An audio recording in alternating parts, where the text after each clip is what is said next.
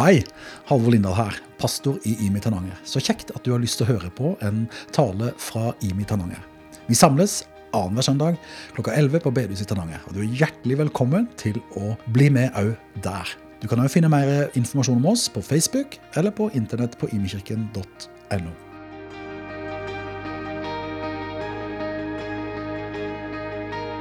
Når det var åpen mikk i dag, så så jeg og Anette litt på hverandre. For når vi gikk tur en dag, så snakket vi om det med åpen mikk. Og hvor lang kø det er.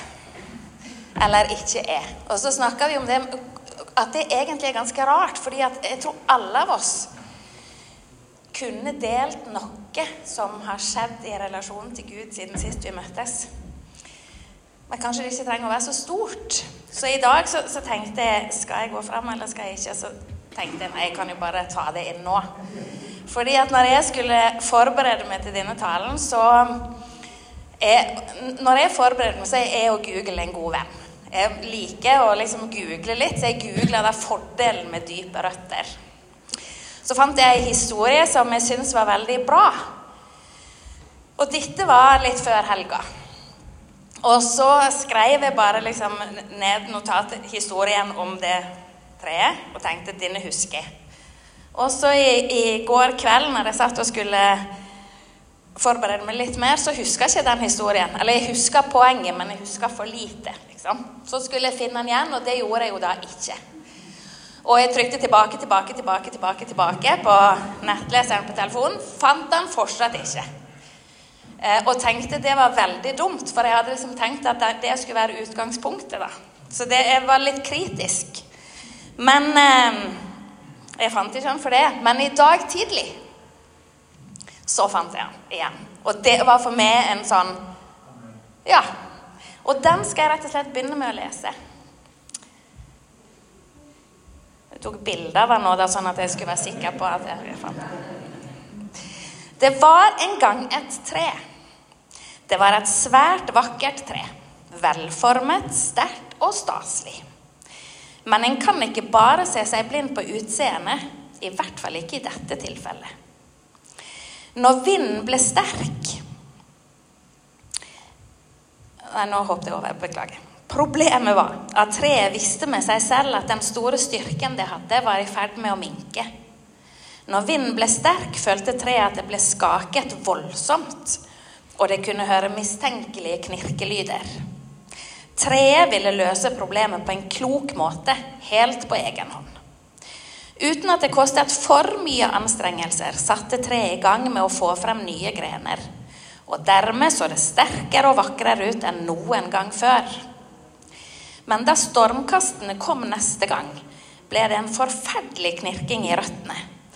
Og hadde det ikke vært for støtten fra et vennlig nabotre, hadde treet falt rett i bakken. Da treet hadde kommet seg etter det nye sjokket, så det nysgjerrig på naboen sin og sa, Si meg, sa det store, vakre treet, hvordan har det seg at du ikke bare kunne holde stillingen, men du til og med var i stand til å hjelpe meg? Å, svarte naboen, det er enkelt. Mens du er opptatt av å utvikle nye grener, er jeg opptatt av å styrke røttene. Jeg syns den var så fin fordi at um, både fordi jeg kan kjenne igjen i litt sånn mitt eget liv at jeg kan bli veldig opptatt av å fikse ting sjøl. Og jeg tror at vi som samfunn òg kan ha et sånt jag etter det. Ordne ting sjøl. Være mest opptatt av hvordan det ytre er. Sant? Hvor mye bidrar du i frivillig arbeid, eller hvor mye vitner du rundt omkring? Hva gjør du, hvordan ser du ut, hvor mye trener du? Sant? Alt dette her som er sånne må-ting. Um, og så videre på Google, da, på dype røtter, så uh, ble jeg sendt til, holdt jeg på å si Et av de treffene som kom opp, var ørkenplanter. Det er jo òg ganske interessant. Egentlig så er det ganske interessant, alt du kan finne på Google. Du kan lære masse. Eh, der står noe veldig fint når du googler fordeler med dype røtter. Blant annet et dypt rotsystem. Hjelper plantene å holde seg jordrett i jorden gjennom harde vinder og andre uheldige forhold. Og hvis vi tenker på en ørkenplante, så tenker jeg at det, det må være ganske lett å være opptatt av røttene i ørkenen. For det er på en måte det eneste du har. Du vet jo at hvis du ikke er opptatt av røttene i ørkenen, så er du litt ille ute. For det er jo ikke sånn som her at du bare kan vente på neste dag med regn. Så, så, så det, jeg tenkte litt sånn Litt feige lag. Mye lettere for ørkenplantene å være opptatt av røttene enn det er for plantene på Vestlandet. Og så begynte jeg å tenke er det litt sånn i våre liv òg? Er det lettere å tenke på røttene når vi ikke har noe annet alternativ? Um, og så begynte jeg å tenke på hvordan det liksom har vært i mitt liv. da. Har det vært ganger der jeg har vært mer opptatt av at røttene, trosrøttene mine skal på en måte få næring? Og det er der. Uh, og da er det liksom kanskje hovedsakelig tre sånne perioder som blir tydelig for meg. Da. Det første er når jeg var på team året etter akta. Bodde i ei rød rønne ved siden av gamle Imi-gården. Og når jeg sier rønne, så var det rønne. Det var sånn at når mamma og pappa var på besøk, så begynte mamma å grine, og så sa hun Hege, du kan ikke bo sånn. På vinteren så var dyna helt hard oppå. Um, og det var sånn, Faren til Torbjørn han ene som var på teamet, han skulle hjelpe oss å etterisolere litt. da. Det var isolert med avispapir og mose. Um, og så fikk ikke vi lønn. Sant? Vi, vi, fikk ingenting. Vi fikk bo i dette huset gratis. Det var raust. Um, og så måtte vi liksom tro for resten, da. Og mange syns jo, bl.a. mine foreldre, syns jo dette var litt naivt. Og tenkte hvor fort kommer du hjem? Um, og I tillegg til at vi, vi, ikke fikk noen ting lønn, så vi hadde jo ikke så mye utgifter. Sant? For det var ikke vi mobiltelefon da. Vi hadde jo sånn telefon med telefonsvarer, sånn liten boks. Var veldig fornøyd med den telefonsvareren. Um, men så hadde jeg ei utgift etter et lån som jeg hadde pådratt meg i, i idiotiens navn. Dette skulle jeg betale 850 kroner på i måneden. og Så tenker du kanskje det er ikke så mye, men det er mye når du ikke har noe. Eh, og det som skjedde, var jo at måned etter måned så, så, gikk det fint. Både å spise hver dag og, og betale det lånet hver måned og komme seg hjem til jul og alt dette. Og den ene måneden så var det dagen før dette forfallet på lånet, og, og jeg, hadde, jeg hadde ikke 850 kroner. Og så ringte telefonen, hustelefonen. Og så tok jeg den, og så er det en som jeg, jeg kjente litt, som sa 'hei', det, og så presenterte han seg. Så sier han 'om du har et lån'. Uh, ja. Er det forfall på det i morgen? Uh, ja. Er det på 850 kroner? Uh, ja. Ja, Gud har sagt jeg skal betale det. Og, og, sånne erfaringer hadde vi på en måte ja, nesten hele veien. Jeg tror aldri jeg har opplevd så mye av den her eh, gudstilstedeværelsen i livet mitt som jeg gjorde det året. Eh, neste periode, det var etter at vi mista Thea. Og livet Å, så kommer tårene. Eh, og livet på en måte sånn vi kjenner det rakne. Og usikkerheten Jeg husker et av de første sånn spørsmålene eller tankene jeg hadde, var Og jeg kommer til å bli den mora alle snakker om fordi jeg aldri smiler. Stakkars Sander som skal vokse opp med oss som foreldre. Um, og i den perioden så, så, hadde jeg mye spørsmål. Og mye spørsmål til Gud og hvorfor. sant? Hvor var du? Hvorfor skjer dette? Og så var det noe i meg som bare visste at jeg, jeg, dette forstår jeg ikke, men jeg tror at Gud er Gud. Og, og jeg tror at han er i stand til å bære oss. At han kan på en måte Ja. Og så fikk vi erfare, tenker jeg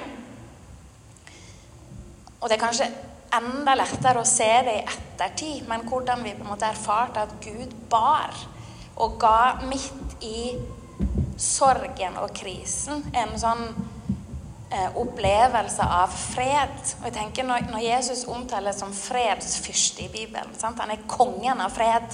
Han eier freden. Og han er fred. Eh, og hvordan den freden den holder, litt sånn som det står om det dype rotsystemet her Den holder det fast gjennom sterk vind og uheldige forhold. Den holder fast gjennom krise og sorg.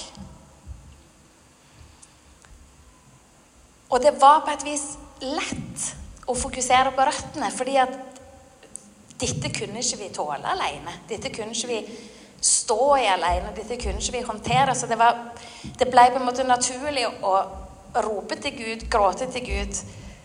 Ja. Og så den neste og siste situasjonen sånn for min del var når krigen brøt ut i Ukraina. Jeg ble pisseredd. Og jeg, da, var jeg, da var ikke Google en god venn. Uh, og ikke nettet heller, for den saks skyld. sant? At de her store, feite overskriftene Tredje verdenskrig er på vei, og alt var bare elendighet, gjorde meg så redd. Uh, og da òg ble det på en måte helt naturlig å rope til Gud. sant? Gud, nå må jeg få freden din. Og så når jeg satt og tenkte på dette, da, så tenkte jeg Men er det sånn troslivet vil ha. At når det er sterke vinder og uheldige forhold, det er da jeg vil fokusere på røttene. Resten av tida vil jeg drive på med disse greiene, utviklingen, på egen hånd. Nei, det er jo ikke det. Jeg tenker jo at røttene våre er det viktigste vi har. Og det handler faktisk ikke om å gjøre. Det handler om én en enkel ting, og det er at vi er festa i treet. Det handler bare om å være.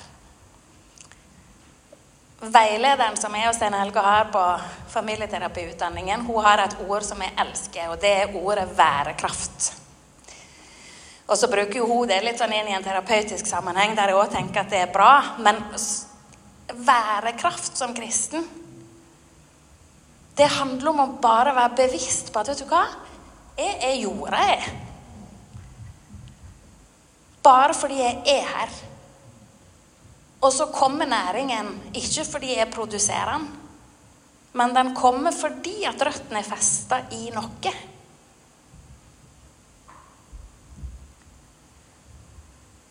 Og det er noe jeg har lyst til å øve meg på å bli, være mer bevisst på. Og hvordan kan vi liksom få til det? Um, I første Mosebok så står det om Abraham. Og jeg husker dette som jeg skal si nå, det snakket vi om på ei cellegruppe i, i, januar, når, det, når, dette var dagens tekst i den bibelleseplanen. Det handler om når Abraham, eh, når Gud ba Abraham, Abraham om å ofre Isak. Og Det er en sånn historie vi har hørt veldig mange ganger. Og så Hvis du går litt sånn inn i historien, i hvert fall så er jeg sånn at da begynner jeg å tenke hvordan var, hvordan var den dagen? Sånn, Abraham, For det første så har Abraham venta i årevis på å få den ungen. Og så kommer ungen, og jeg kan tenke meg at Abraham og Sara er over snittet glad og takknemlig. Og så sier Gud du skal ta han med deg på en fjelltur. Så skal du bygge en offerplass, og der skal du ofre Isak.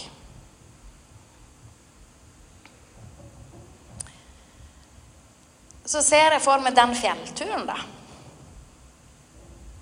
Der går de, far og sønn, ut på tur. Skal tenne bål og greier. Abraham gikk og visste.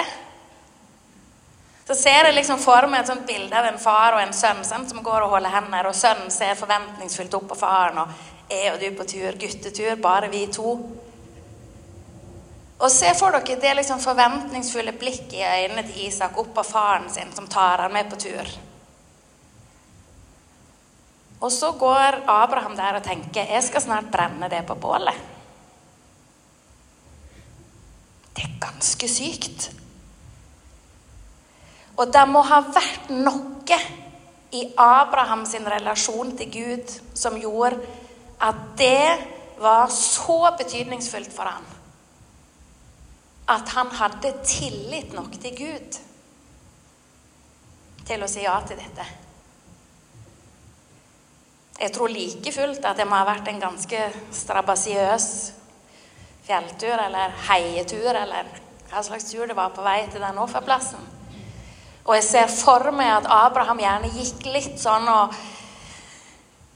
stilte spørsmål til Gud er nå dette virkelig nødvendig.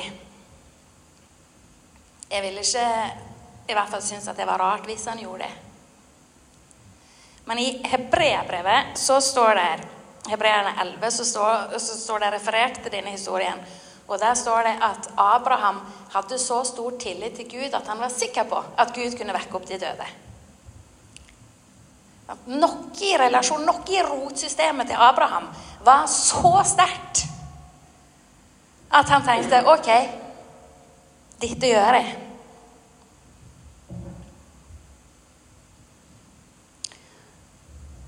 Og jeg husker Vi snakket om på cellegruppa har, vi så sterkt rotsystem. Hva ville vi gjort? Hva ville jeg gjort? Ville jeg vågd den tilliten til Gud?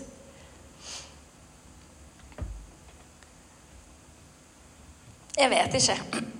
Men jeg vet at jeg ønsker det. Jeg ønsker at rotsystemet skal være så sterkt at jeg er helt sikker på at hvis Gud ber meg om noe,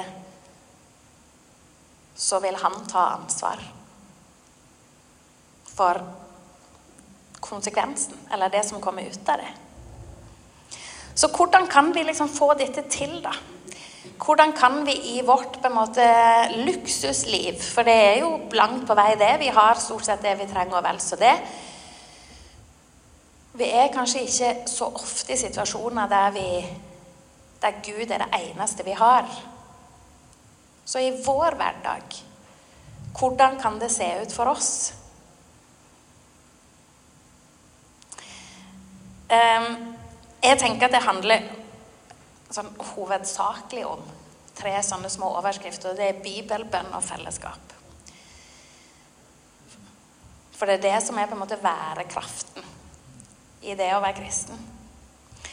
Jeg gikk tur med Mathilde en dag, og hun går jo nå i tiende og begynte på KF i niende.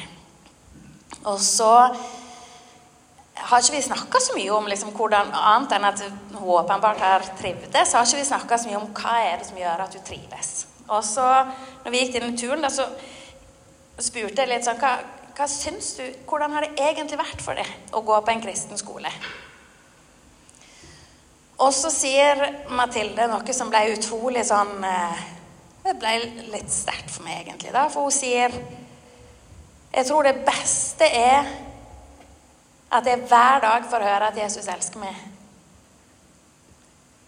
Og at hver gang før vi har en prøve, så ber læreren. Det er nesten så det kjennes litt som juks, sier hun. Eh, og så tenkte jeg hvorf, men hvorfor er dette så bra? Jo, det handler om rotsystemet. Sant? Det handler om at det, i dette å få vite hver dag at jeg elsker av Jesus, og det er det som er det viktigste så er det med på å gi næring til røttene, da. Det er det fellesskapet. I Kolosserne 2 så står det 'hold fast i den tro dere er opplært i'. Og hva betyr det? Jeg tenker at det betyr bl.a. å huske på hvorfor vi er skapt.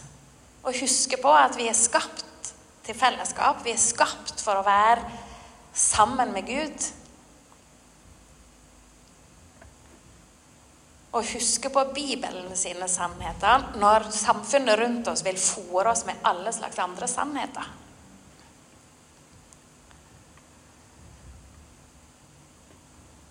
Og så handler det kanskje litt om å sette oss i situasjoner da, der vi er litt sånn avhengig av å kjenne at det er jording.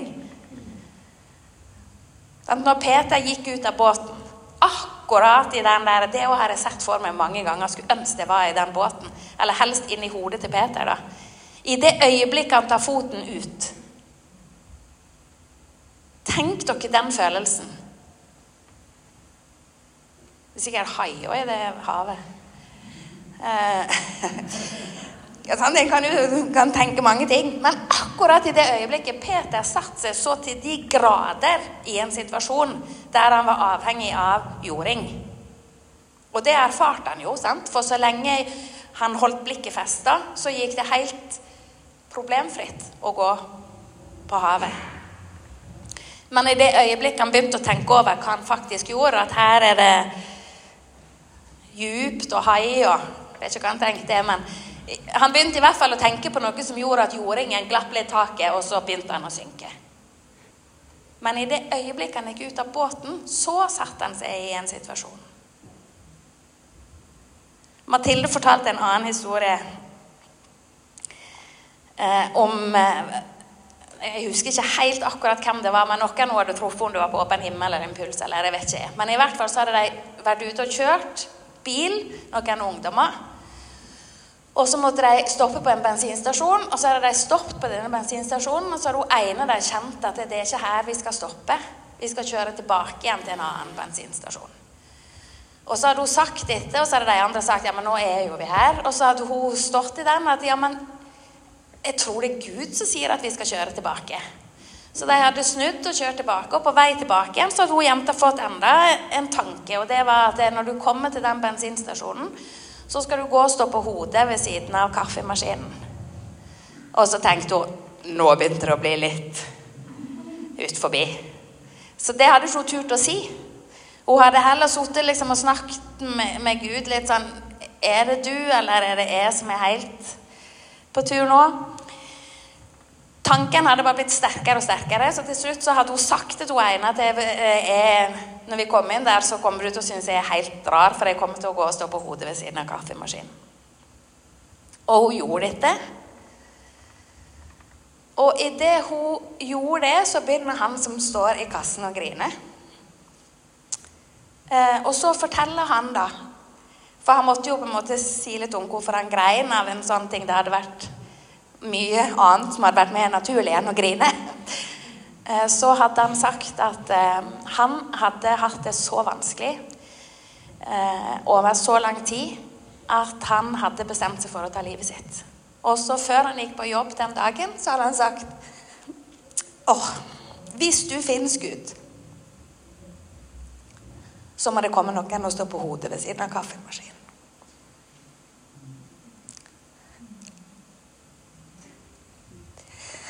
Åh, det er Gud. Og så er det òg um, Så er det òg en ungdom som våger å sette seg i en situasjon der hun med stor sannsynlighet vil kunne drite seg veldig ut. Men hun våger å gjøre det fordi at jordingssystemet virker. Sant? Og det gir meg en sånn eh, lyst til For tenk å få oppleve dette. da. Tenk å være hun jenta. Og så sier han her mannen det. Tenk, tenk hvordan resten av den dagen ble. Ikke bare for han, men òg for hun som sto på hodet der. Og sånne erfaringer får en når en er opptatt av næring til røttene. Når en er opptatt av at vet du hva, jeg bare er her, og jeg er jorda. Jeg sørger for at jordingen min er i fokus. Og så vil det kunne se ganske sprøtt ut fra utsida.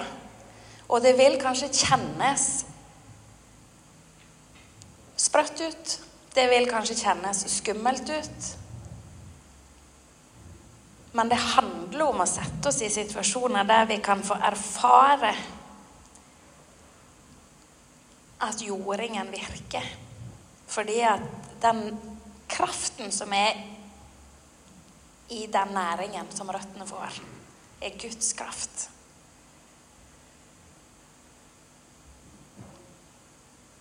Så for oss I hvert fall for, for Vi er i ulike situasjoner alle her, men jeg tenker for min del, da, som kjenner at jeg er Jeg er ikke i en situasjon nå der jeg er 100% avhengig av Gud. Det kjennes ikke sånn ut. Men jeg vil være det likevel, for jeg vet at rotsystemet mitt er 100% avhengig av Gud. Og det handler om å Det handler om bærekraft, da. Når Martha og Maria drev på, og Martha ville være og Maria ville gjøre, så sa Jesus Maria Se litt på Martha, hun har skjønt det. Bare vær her med meg. For et tre som bare er Der vokser røttene òg.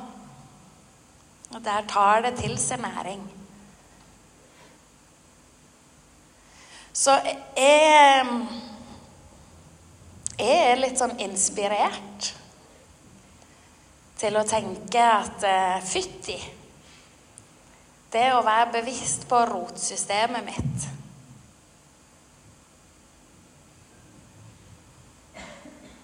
Det å være bevisst på at det, i den næringen så er det alt jeg trenger til alle tider, alltid.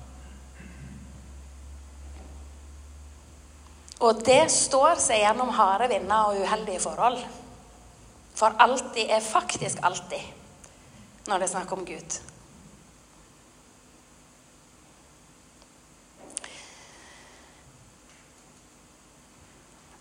Jeg har lyst til å bare be om at um, vi skal få kjenne jordingen. Um, ja, vi ber. Herre, takk for at det er du som bærer oss. Takk for at det ikke er omvendt. Og takk, Jesus, for at eh, det er du som eh, alltid står klar til å gi næring til røttene våre. Alltid, i alle situasjoner, alle plass. Og Jesus, jeg ber om at du skal gjøre oss sulten på å sette oss i situasjoner der vi kan få erfare at rotsystemet virker. At vi kan få erfare kraften i den næringen som du gir Jesus. Og så ber jeg òg for de som er i situasjoner der det gjerne kan være vanskelig å tro at næringen holder, så ber jeg òg om at du skal at du skal komme med din fred, du som eier freden, du som er fred.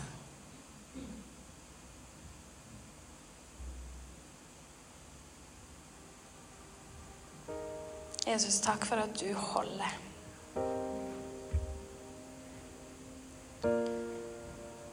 Amen. Takk for at du hørte på en tale fra Imi Tananger. Håper den var til velsignelse og berikelse for livet ditt sammen med Jesus. Ha en velsigna dag.